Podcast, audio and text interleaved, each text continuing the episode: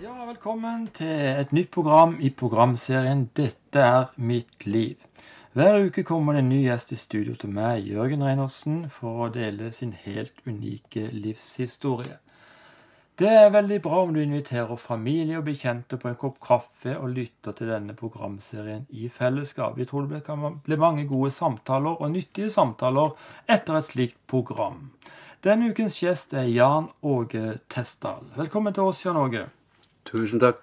Du har vært misjonær i Albania i en årrekke, og du er nå trubadur, taler og alt mulig mann i pinsemenigheten Philadelphia, Vennesla. Men la oss starte helt fra begynnelsen. Hvor ble du født og oppvokst? Født i Kristiansand, oppvokst her i Vennesla. Hvordan eh, vil du beskrive barndommen din? Det var jo grei. Oppvokst i en kristen heim. Selv om det nok var nok eh, mer konservativ eh, form for eh, kristendom, uten å si at det var noe feil. Det var det de visste, da, eh, på den tid. Så det ble litt vanskelig Mm. etter hvert. Ja. Var det her i Vennesla, det, eller du Det var her i Vennesla, ja. Ja, riktig. Eh, lyktes du på skolen og sånt? Jeg kan ikke, kan ikke akkurat si at jeg gjorde det, men eh, eh, uten at det, det, var litt, det hadde nok mer med kan du si, beskjedenhet, eller det at en ikke uh, makta. Han var ikke så frimodig da, til at han uh, makta å spørre for mye til hjelp. Eh, og da ble en hengende veldig fort etter, da. Så eh, det ble ikke så de helt store karakterene. Det er ikke noe du kan liksom skrive om i avisen. Nei, det ble ikke det. Eh, Ungdomstida, da, åssen var den? Relativt grei, vil jeg vel si. Men uh, vi kom jo til et punkt uh, hvor vi måtte jo være med på møtene, da. Jeg husker ikke helt hvor gammel jeg var da, men 12-13 år kanskje. Men det var en uh, gjestetaler borte i Philadelphia som uh, skulle bort og høre på, da. Og jeg opplevde jo bare som en guttunge da, at han talte jo bare til meg. Og det er jo klart at når, når innbydelsen kom, så eh, hadde jeg nesten bestemt meg for på forhånd at eh, det der skulle jeg si nei til. Eh, Det var jo, kan du si, på grunn av at det kristne livet som da er så, så føre med, at det, det ble rett og slett for kjedelig. Du, du hadde jo ikke lov til noen ting. Anten det å gå på møte, da. Så da sa jeg nei til det, og da Ja, det begynte med ei øl, og så gikk det ja, den veien det måtte gå, hadde nær sagt. Rett og slett. Det ble to øl. Det ble to øl, og det ble fem og ti og kass og festing og turing, da, i ganske lang tid, Ja. egentlig. Prøvde du andre ting enn alkohol også? Jeg gjorde jo det, men hadde første tida så var det jo bare alkohol, da. Men eh, det er jo klart, den vennekretsen som en var en del av, eller trodde en var en del av, Uh, ute i verden så er jo den nokså kynisk, da. Uh, så vi hadde avtalt at vi skulle uh, kjøre til byen. Jeg, skulle, jeg vet ikke hva jeg skulle hjem og gjøre, da, men i hvert fall når jeg kom tilbake til, til utgangspunktet der vi skulle starte ifra, så var de her allerede kjørt. Og Da tenkte jeg at ok, hvis hvis dere tror at jeg er avhengig av dere, så må dere tro om igjen, da. Så jeg gikk over i sentrum her. eh, Og fant eh, andre folk, da. Og begynte å hasje. Da istedenfor. Så da ble det kan du si, begge deler. Både alkohol og, og hasjing, da. I en periode. Og Det tar vel ofte den andre, er det ikke? Ja, de gjør det. Men eh, det gikk ikke så veldig fort. Uh, Begynte å seile til sjøs. Da var det jo en del hasjing, i hvert fall når du var i land. Litt avhengig av hvor du kom hen, da, men du kjøpte jo med deg som du hadde på båten. Eh, men på den tid så holdt du jo jobb. Uh, Nokså viktig, egentlig, det. Men jeg kom hjem og ble gift, og når det skar seg, da så bar det veldig fort utforbakke. Da ble det tyngre stoffer, da. Amfetamin i hovedsak. Førte det med seg noe kriminelt også? Det er klart det gjør, for du klarer jo ikke å holde sånn forbruk med ordinær lønn, da. Og ikke klarer du å holde noe jobb heller. Iallfall gjorde ikke jeg det, så det er jo klart at det blir du løser jo det økonomiske problemet med kriminalitet og uh, liding, da. Det gjør du. Så det, det ble din bane i noen år, det, altså? Det ble, det gjorde det, rett og slett. I ganske så mange år. Helt fram til ja, 1990. Så totalt sett, da, så tenker jeg selv om det har vært på og av, og selv om det har vært opphold, så har jeg nok levd i hvert fall i sinn og tanke på det du kan kalle et kjør eller utsvevende liv da, i 20 år. Mm. Men du nevnte 1990. Da skjedde noe? Ja, det gjorde det. Og jeg vet ikke Det er jo klart at foreldrene mine og kan si den vennekretsen, det vet jeg jo i ettertid, at jeg har bedt noe aldeles Hun kan bruke sånt uttrykk vanvittig. Da, og jeg vet ikke om jeg kan I ettertid så kan jeg se det. Kan du se episoder når en var ute på kjøret. At det er helt klart at noe eller noen har holdt ei hånd, eller holdt ei hånd over den. Ellers så hadde det jo gått helt galt, rett og slett. Men da i 1990 så var jeg ferdig, egentlig. Jeg var så lei av alt at Men dopen hadde tatt fullstendig kontroll. Men jeg satt på Janniken kafé her i Vennesla sammen med en annen kompis da, og kikka ned på gata. Altså foran det som var Rolf Justvik, var ikke det han het? Den der radioforretninga som var her i sentrum. Og så da en kamerat som hadde ruset med meg tidligere, men som jeg visste hadde blitt kristen. Og plutselig så, så visste jeg bare at jeg må snakke med han. Jeg hadde egentlig ikke noe å snakke med han om, men jeg bare måtte snakke med han. Så jeg bare reiste meg fra bordet og sa ikke noe til den her fyren som jeg satt sammen med heller. Jeg bare reiste meg, gikk ut og ned og så liksom snakka med han. Nå Da liksom uh, traff han, da. Så det ble jo litt uh, OK møte, det, da. Vi har jo ikke sett hverandre på lang tid. Så han inviterte meg uh, hjem til seg da, den samme kvelden. Da visste jeg nok og kjente nok på at løpet var lagt, selv om ikke jeg kanskje innrømte det sjøl på et vis.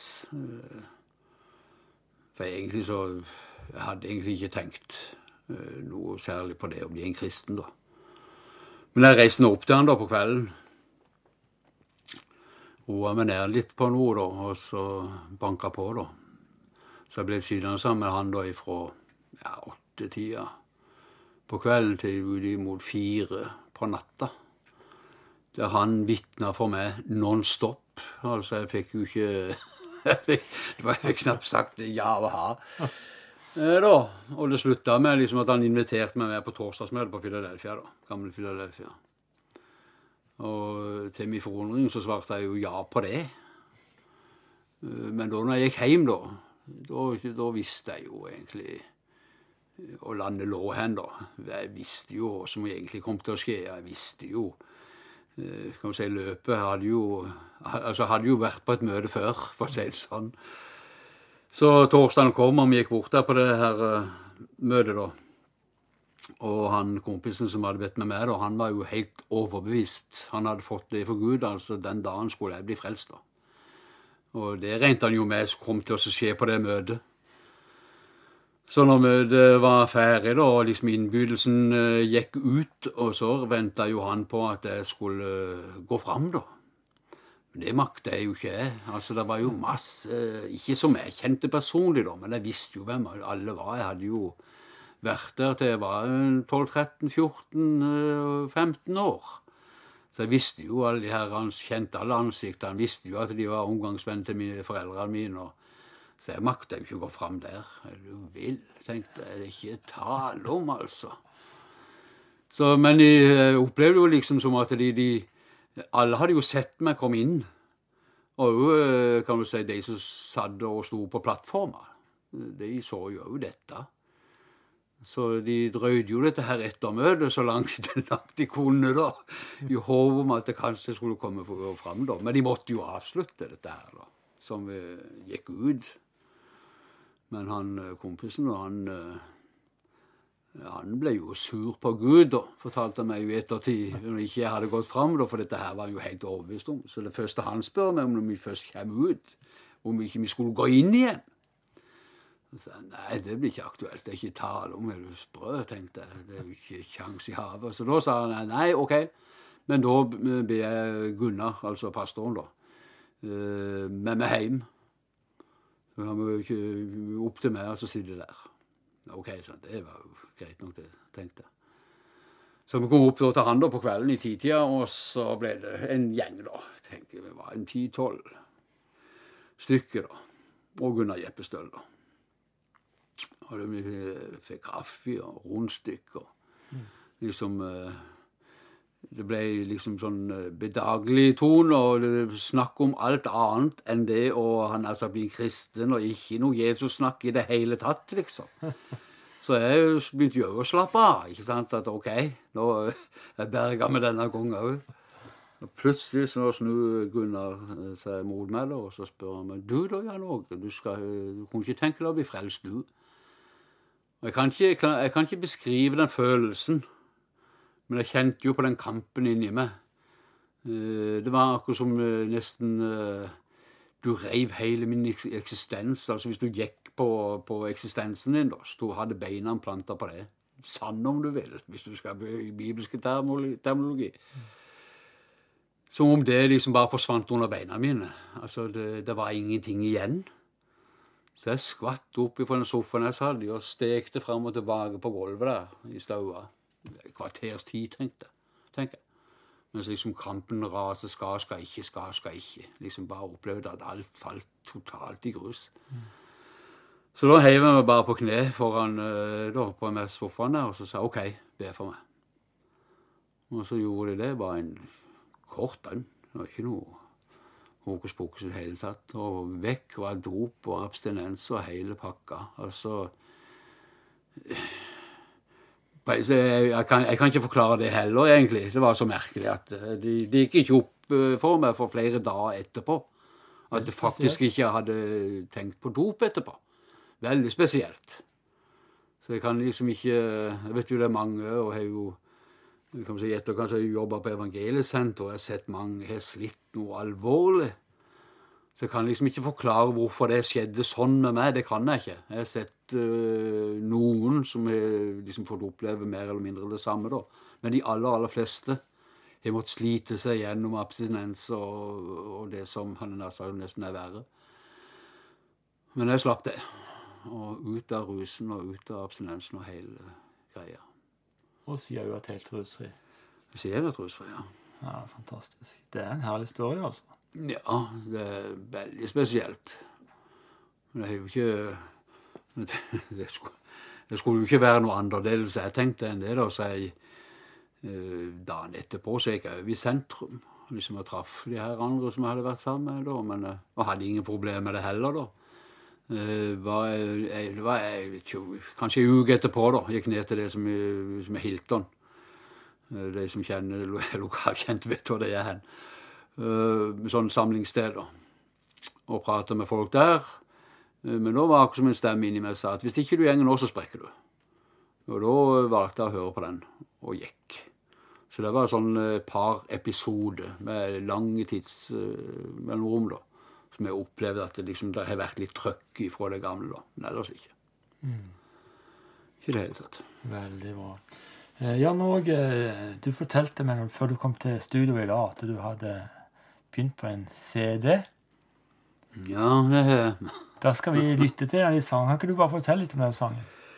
Altså, De har skrevet en del sanger, og de aller aller fleste av dem ble skrevet de første par-tre årene etter jeg ble frelst. Eh, så de er jo basert på hva du kan kalle sjølopplevd, opplevd, satt i ord og tone, da. Og denne her uh, opplevde at det hele Altså, jeg satt på hybelen i Drammen mens jeg gikk på, der jeg gikk på bibelskolen. En grå, rein, tung dag. Og jeg hadde det så kjipt. Jeg syntes alt var, var, bare Det var like grått inni meg som det var ute, rett og slett og liksom nevnte opp folk og ting, og liksom det virka som alt ordna seg for dem. Og så kikker jeg liksom på meg sjæl og liksom lurer jeg noe. Og sånn, hva er det du har? Jeg måtte jo kikke rundt i rommet deres, så Jeg fant jo ikke noe annet enn eh, to gitarer og noe dongeribukse. Det var liksom det som var min kapital på den tid. Du lytter på programserien 'Dette er mitt liv'.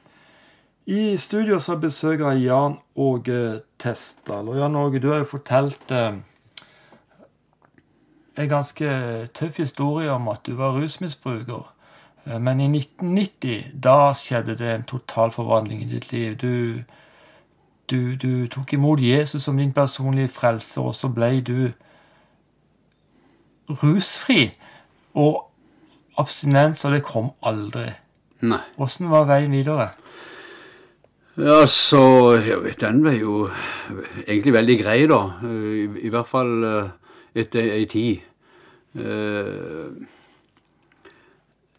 var vel ikke i utgangspunktet så harlig frimodig av meg. Eh, og kan si, den vennekretsen som, var, som jeg var sammen med når jeg ga mitt liv til Jesus, eh, den gikk jeg jo sammen med i fortsettelsen òg, da. Og vi var vel, jeg tror nesten hver kveld var vi sammen. Enten på møte, og var vi på møte, så samles vi, samles vi hjemme hos et eller annet menneske da i etterkant. Og hver kveld, eller som når vi skulle gå ifra hverandre, skilles, så var det bønn. Så da satt vi jo kan du si, i en slags mer eller mindre ring eller hestesko, om du vil. Og det begynte på den ene enden, da, og så liksom ba vi etter tur, da. Eller må si, de ba etter tur. Mm. For hver gang det kom til meg, så stoppa det opp. Jeg fiksa ikke det der med å be høyt, altså. Det var helt komplett umulig. Så alle hadde jo venta på at jeg skulle Men eh, de måtte jo bare fortsette hvert. Og sånn eh, Ja. Det de gikk ei tid, rett og slett. Og det er jo klart at uh, som nyfrelst, da, du opplevde jo og så at andre hadde fått tak i og hadde del i ting som ikke du hadde sjøl. Og det er jo klart at uh, etter å ha levd det livet jeg levde, så ønsker jeg jo å gå hele løpet ut, rett og slett. Altså nå hadde jeg prøvd alt annet.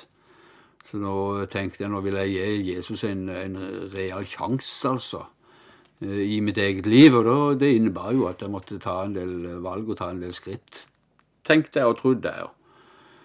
Men jeg fiksa ikke det der med å være høyt. Så jeg husker kanskje Jeg vet ikke hvor lang tid etterpå. Men uh, vi hadde jo vært sammen noen kvelder, iallfall. Det var iallfall nok kvelder til at jeg begynte å bli anfekta på det. Mm. Og det er jo klart, Jeg husker en morgen jeg våkna, så var djevelen der med en gang. Uh, akkurat det med en gang jeg slo opp øynene og begynte å anklage da, liksom, Du kan jo ikke være frelst. Tenk på den historien. Tenk på det du gjorde der. og Tenk på alle de du er såra. Tenk på alt det du har gjort. Og, og hold på ei liste så lang at det, det var jo ikke måte på, altså. Og helt til slutt var liksom trumfkortet kom. Og så kan du ikke be høyt engang. Sant? Da var liksom tenkt tenkte Fill og nei, altså. Det der eh, Så jeg hoppa opp av senga og kledde på meg, gikk ut i stua. Og der var Min far var på jobb, og jeg vet ikke om min mor var iallfall helt alene i huset. da. Så jeg bare røkka opp ei skuffe der hvis de hadde kassetter og sånn. Og begynte å spille. Den ene kassetten etter den andre da med kristen musikk. I flere timer holdt jeg på med dette. Helt til det ikke var noen flere kassetter. Eh, det var tomt, rett og slett. Jeg hadde spilt alt det der var i den skuffa. Men så løfta jeg på den her eh, som lå oppi den skuffa, som liksom holdt de her kassettene på plass. Så der lå det et, eh, et, et kassett uten cover av Åge Samuelsen. Og så når jeg satt på den, da, så liksom strømte tonene ut, og som sa Hvorfor er du så lei og mismodig i dag? Har du eh, liksom glemt hele frelsesopplevelsen da, med mine ord? Og har du glemt sjøl da sola og brant? Og, og da, var, da, kom Den hellige ånd med en gang, så da ble jeg døpt i Den hellige ånd. Så etter det så har jeg vært på farten, vil jeg nesten si. Rett og slett. Det skjedde en forvandling da? Veldig kult. Mm. Og veldig bra. Mm. Um Du eh, starta etter hvert på Evangeliesenteret, Inntakssenteret. Du var ikke så lenge, langt på veien da, var du det? Nei, jeg var ikke det. Altså, vi ble jo frelst eh, da 20. april 1990. Eh, Da var jo, hadde Evangeliesenteret senter på Hunsåsheimen, som ble jo tidlig kobla opp imot det. Her i Vennesla, ja. Her i Vennesla, ja. Og jeg fikk, en del, fikk god kontakt med han som var bestyrer der. Eh, Hva er det han heter for noe? Kjell Johansen heter han. Og ble egentlig nokså gode bus med han, da. Så jeg var med en del på, på sånn eh, møtekampanje og, og forskjellige ting, da.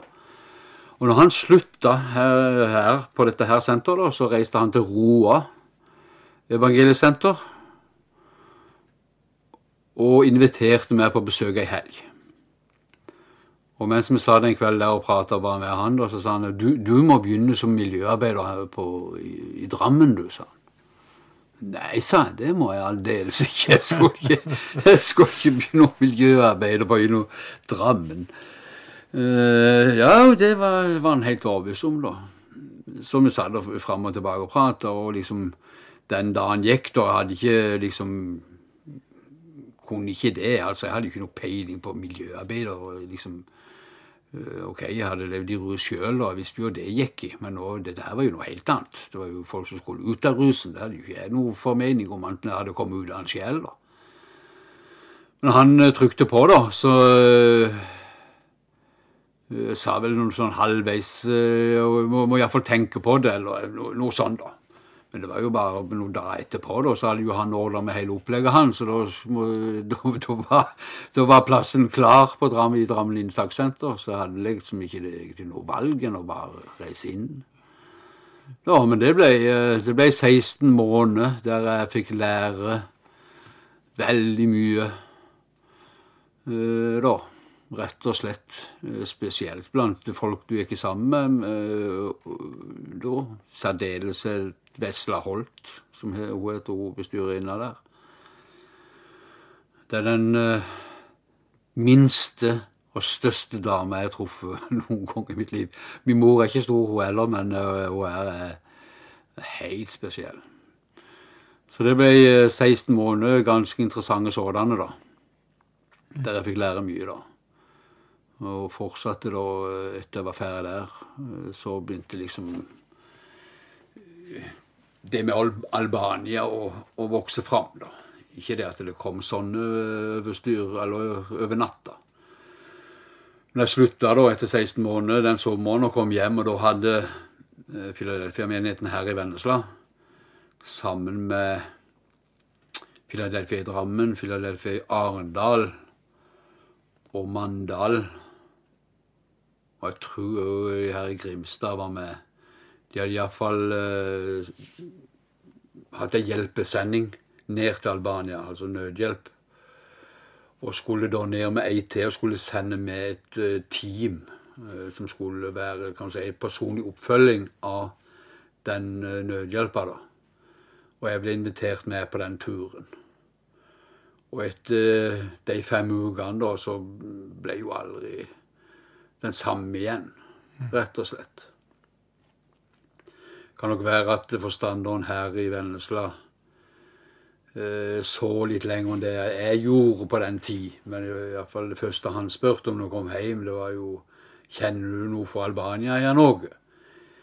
Eh, Det gjorde jeg jo. Men jeg, jeg trodde i utgangspunktet at det var all den, det, skal si, det inntrykket du hadde fått av den nøden du så. Så jeg ønska jo ikke å altså, bygge noe videre kan vi si utreise på det, da. Det måtte være dypere enn det. Men jeg begynte på bibelskole i Philadelphia Oslo den høsten. Og hver gang jeg var, hver helg jeg var hjemme, når jeg var hjemme, så var det det samme spørsmålet. Kjenner du noe fra Albania eller Norge? Nei, sa jeg, det gjør jeg ikke. Men i ja, mars-april, tror jeg det var, da var det meg som gikk til forstanderen og sa at nå kjenner jeg noe for Albania. Så gjennom det året da, så ble det konkretisert en del ting i mitt eget liv da, og opplevde Herrens tiltale på å reise. Selv om det var jo ikke uproblematisk det heller, da. Men uh, Da var jeg iallfall der at jeg hadde sagt ja til et uh, unikt kall, opplevde jeg. Og det. Velkommen tilbake til programmet 'Dette er mitt liv'. I studio så besøker Jan Åge Testdal fra Vennesla. Jan Åge, du har jo fortalt at du fikk et kall til å reise til Albania. Du må fortelle videre. Ja, altså Det er ikke kall. altså nå, Hvis jeg får lov, iallfall bare i korte ordelag, å fortelle det jeg opplever var et kall. Ja. Eh, Osvald Orlien, en sånn gammel misjonær eh, som, som er de her gamle, hadde en definisjon på kall. og det Han sa at det var det å ha et genuin lyst til å gjøre noe, og så ta på seg det ansvaret det innebar å fullføre det. Eh, men jeg opplevde uh, Herrens tiltale på å reise til Albania etter at jeg har vært der da, de her fem ukene. Så jeg ønska jo at Nesten som et, Du kan ikke dra noen parallell sånn sett, men det livet jeg hadde levd uten Jesus, opplevde jeg nesten som lik det som jeg så de levde. Uh, så jeg ønska jo at de skulle få oppleve det samme som jeg hadde fått oppleve. Full frihet i Jesu navn og hele denne pakka, da. Så jeg opplevde å få, få det kallet, da, som vi kaller dette her. Men det var jo ikke noe enkelt, det var ikke noe enkelt, eh, det, da. Jeg opplevde nesten å få enda større kamp på det enn det jeg hadde med det å gi mitt liv til Jesus. Eh, på mange forskjellige områder. Altså, jeg var jo ikke, hadde jo aldri prøvd dette her, og jeg var jo ikke Altså da når jeg fikk eh, kunne si at jeg var sikker på at jeg skulle til Albania som misjonær, hvis det la seg til rette sånn, da. Mm. Så hadde jeg vært frelst ikke fullt to år. Altså få et liv i rus i mange år. Det er jo nesten, det er jo nesten ikke mulig engang, rent praktisk. Altså hvem, hvem sender ut som fulltidsmisjonær en sånn person? Altså det er, ikke, det er ikke normalt, i hvert fall. Det var den ene delen av kampen eh, som jeg hadde, og den andre var jo at eh, de jentene jeg hadde fra mitt første eh, ekteskap, da, hadde jeg jo begynt å gjenopprette kontakten med. Så det er jo klart at dette ble jo et ankerpunkt for djevelen da, for å stoppe, hindre meg å reise. Han sa liksom ja, du tenkte livet du levde og ikke hatt kontakt med ungene dine, og nå liksom som du er i ferd med å gjenopprette kontakten med dem, og så skal du liksom pigge av igjen. Så det ble liksom sånn uh, masse kjipt som gikk på det som person, rett og slett. Uh, som jeg kjempa med da. Og så visste jeg jo det at iallfall de fleste som er misjonærer som er, visste om på den tid, i hvert fall, og forut for det. Eh, når de skulle ut som misjonærer, så måtte de jo reise land og strand rundt og kan du si, tale inn til sitt eget underhold. Og jeg var jo ikke der i det hele tatt. Det var jo ikke snakk om at jeg makta å liksom rundt og tigge penger til meg sjøl. Jeg hadde ikke gjort det når jeg levde på gata en gang, og så skulle jeg gjøre det nå. Det var jo ikke kjangs i havet. Så etter mange runder, da, så uh, sa jeg til Herren, da Jeg husker vi var på vei med bibelskolen til Nesøya. Nesodden. Nesodden. Eh, for å besøke en eh, pastor som holdt, til der. Og i bilen, mens eh, læreren da kjørte, og satt der fremdeles og funderte på alt dette her, så sa jeg til, han, til Gud at OK, jeg skal reise, men du får sørge for pengene. Og sånn ble det faktisk. da. Fullførte bibelskolen. Og bibelskolen skulle egentlig på en slags form for outreach til Antwerpen. For der hadde Filadelfia Oslo en uh, misjonær. Så skolen skulle hadde uh, var nede der hvert år på besøk til henne i ukes tid. Men jeg fikk lov til å få fri for den turen, for det skulle være med da Philadelphia Vennesla på en hjelpesendingtur til Albania. Og vi kom dit da i juni, vel. Slutten av juni midten av juni. Eh, 93.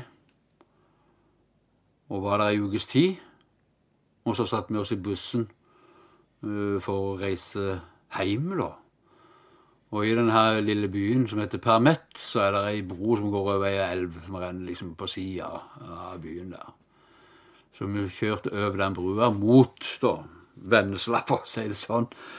Så øh, var det akkurat som jeg hørte Jeg hørte det var jo ikke noe hørbar stemme, men jeg, jeg hørte det kan du si, i mitt uh, sinn og i min sjel at uh, nå, Jan Åge, reiser du i feil retning. Så Der fikk jeg liksom bekreftelse på det som vi kaller kallet, da. Så da hadde ikke jeg ro i råa noe mer. Kan du begripe? Så egentlig så var det jo da planlagt at uh, jeg skulle reise sånn ja, september-oktober. Kanskje enda litt til, for det var en del praktiske ting som måtte legge seg til rette og ordnes. Blant annet og dette her underholdet, da, selvfølgelig. Eh, og ja, forsikring og det, liksom, det er mange ting som må, må ordnes og legges til rette og sånn. Når jeg kom hjem, jeg opplevde nesten bare å ta ut eh, det skittentøyet av kofferten. eh, Vaske de og legge de på ned igjen. Og så var det bare å bestille billett og komme seg ned igjen. Fort og svilt. Så eh, ja, tre ukers tid etter vi kom hjem fra den turen, så reiste jeg ned igjen.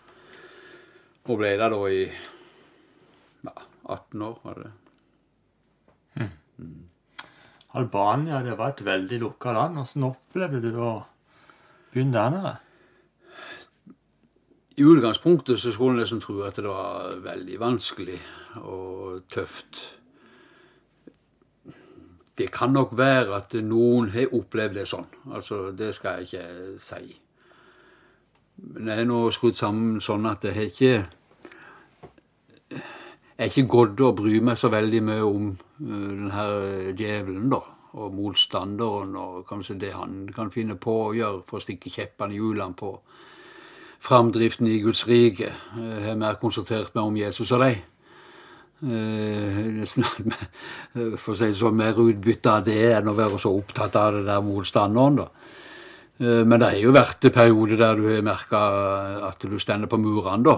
Eh, Åpen eh, for alle. Og det er jo klart at stender du på murene, på toppen av muren, så er du synlig for, du er synlig for fienden òg. Så du opplever det jo, men jeg har aldri liksom vært så veldig opptatt av det.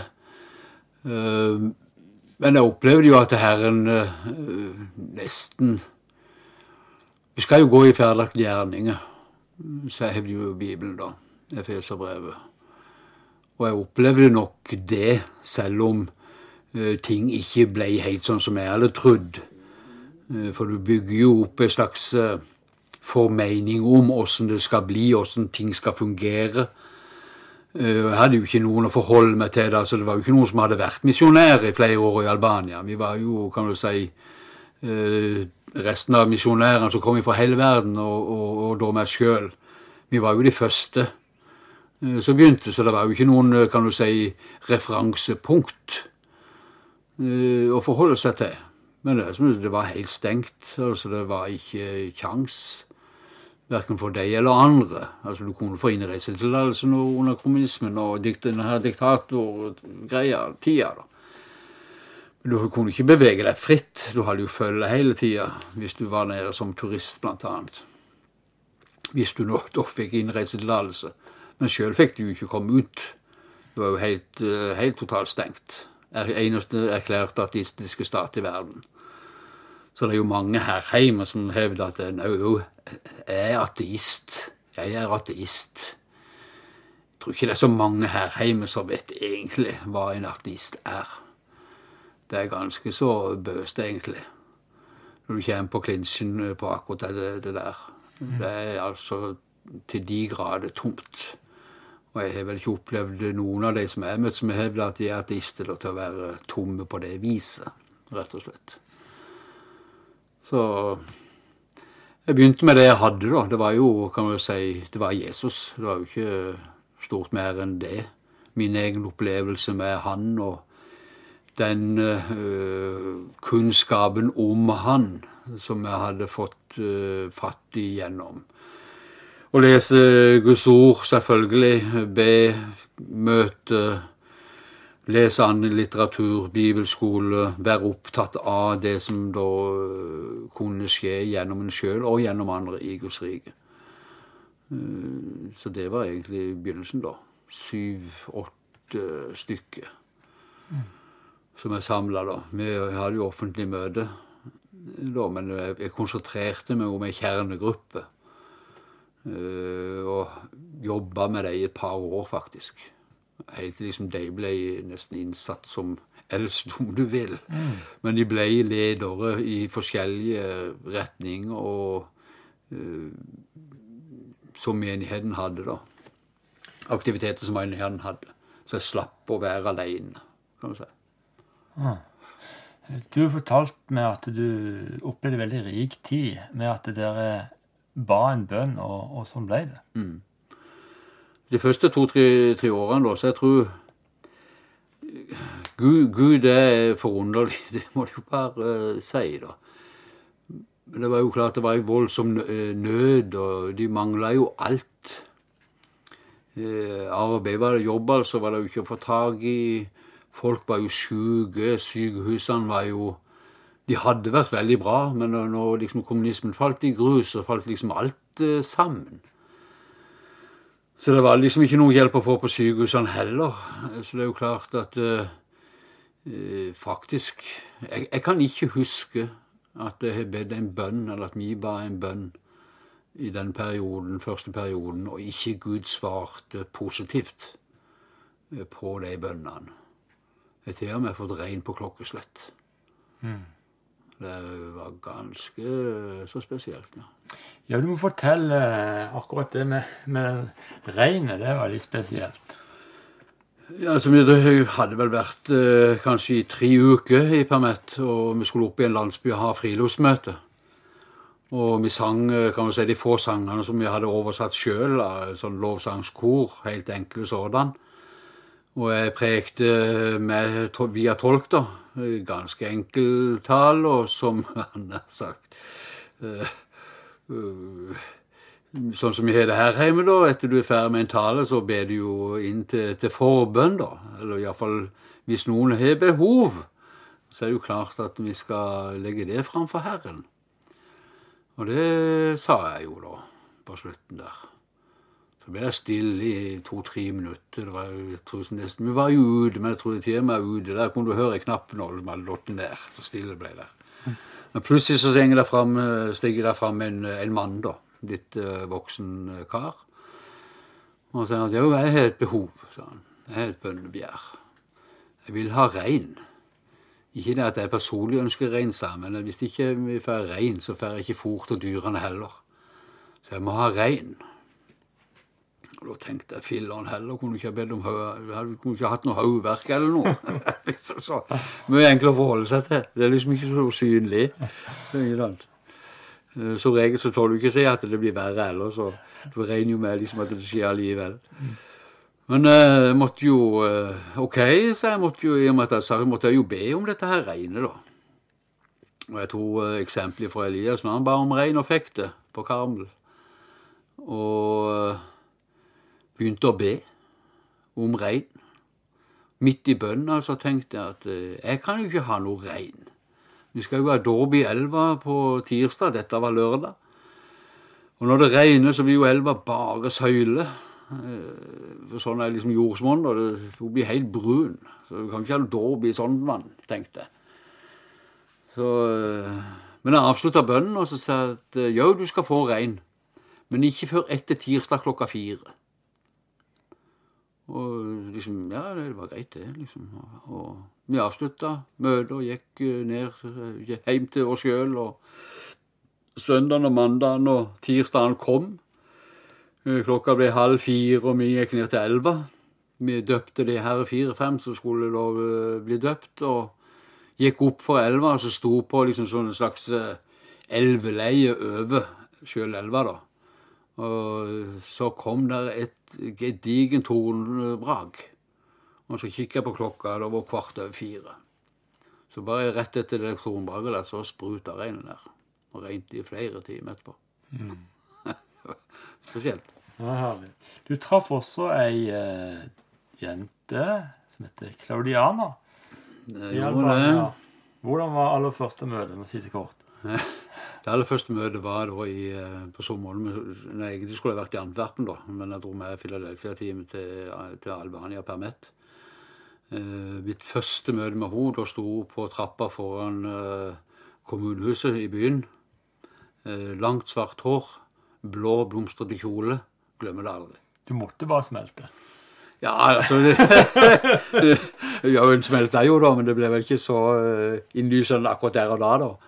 Uh, for Rent tradisjonelt så skulle vi jo bo hjemme hos uh, folk da, som var kobla opp imot dette her arbeidet da, som Philadelphia hadde da starta. Og tradisjonelt da, så bodde jo ikke mannfolk i familie med bare jenter. så i utgangspunktet så var jeg plassert hjemme hos en veldig fattig familie. Så når jeg var den siste som skulle liksom få tildelt plass, da, så var det han her fattige fyren, og så var det Claudiana. Claudiana hadde egentlig blitt lovt ei jente, men det var ikke jente nok. Så istedenfor at de sendte meg da med den her fattige fyren, da, så sendte de med, med Claudiana hjem til uh, hennes foreldre. da. Så jeg var der, bodde der ei, ja, ei uke cirka. Mm. Så det var kan man si, første møte med Claudiana og Claudiana sin familie. Og nå er jo kona di og med til Norge og mm. er godt etablert her. Du er jo i Philadelphia i Vennesla. Du er altmulig mann. Du er evangelist, må vi si, trubadur og forkynner. Og du har jo en veldig integritet i det du gjør. Du stiller alltid opp eh, for andre, og, og, du står virkelig på. Det må jeg si av noe. Det står det virkelig respekt av. Hva er det som driver deg? Nå skal jeg ikke være så frimodig og si det samme som Paulus, da, at kjærligheten driver. Uh, men jeg har jo opplevd eh, det, da. Og det er en, egentlig en uh, filosofi jeg har hatt hele tida. Og for hver gang jeg ser andre mennesker som, som virker ut fra samme filosofi, så gleder det mitt hjerte. Jeg tykker vi opplever altfor mye og for mange mennesker som blir liggende på kne og roper til Gud at 'Gud, nå må du vise meg' min plass på ditt lege, men du må vise meg hva jeg skal gjøre. Og det går jo helt i detalj eh, til tider. Men jeg tenker at uh, Gud har ikke kjangs til å få gjort så fryktelig mye. Altså Han kan jobbe på det kan du si, personlig. Men å lede, altså det å bli leda, det forteller meg om uh, altså det er, ikke, det er ikke stillstand. Det å lede noen, så må de være i bevegelse. Så hvis Herren skal lede deg, så må du sette deg i bevegelse. For det å styre en bil som står stille, det er helt umulig. Du kan vri på rattet, men han, han svinger jo ingen vei. Han står helt stille. Så det har liksom vært den eh, filosofien. Etter jeg ble åndsdøpt, så har jeg jeg nok sagt nei, eh, kan si, men ikke for at det skal være nei. Altså, Jeg har opplevd at det har vært noe genuint, eller vært noe som jeg kan være med og bidra med. eller noe sånt, Og så har jeg vel stort sett sagt ja til alt. Eh, noen sier jo at du, du, du, du sier ja for mye. Du sier liksom Du må si nei til noe òg av og til. Du sliter deg ut. Kan godt være det. Men uh, Bibelen sier jo at som din dag er, skal din styrke være. Så jeg tror at hvis uh, vi har et inderlig ønske om å leve i, i Herrens vilje så tror jeg at vi gjør det akkurat nå. Altså, Jeg tror ikke vi behøver å han har sagt, gå verken til høyre eller venstre, fram eller tilbake, opp eller ned, eh, for å oppleve at det jo nå er der. Altså, Hvis det er ønskehet du ønske om å være i Guds vilje, så, er det akkurat nå. Mm. Og da kan du si at hvis det er færre spørsmål eh, ifra deg, da, ja, så har jeg ikke noe problem med å si eh, ja til det. Av den enkle grunnen at hvis det, det, det, er altså en ting på min vandring, på lik linje som det er en del, av de vandring. Men jeg opplever jo at når jeg er i bevegelse, så styrer jo eh, og leder Herren med han har sagt dit han vil. Og Det er jo det som er hele nøkkelen til i hvert fall så langt jeg ser mitt liv. Ja, Åge Tesdal, eh, hjertelig takk for at du kom i vårt studio i dag. Tida har dessverre løpt ifra oss. Det har vært herlig å lytte til din historie. Må Gud velsigne deg, din familie og din tjeneste i tida framover. Jarle, takk for det. Jarle Fjelstad har stått for det tekniske i dag. Mitt navn er Jørgen Reinersen. Neste uke er vi tilbake på samme tid og på samme kanal med en ny spennende gjest i studio. Vi takker for i dag og ønsker deg best av alt Guds velsignelse.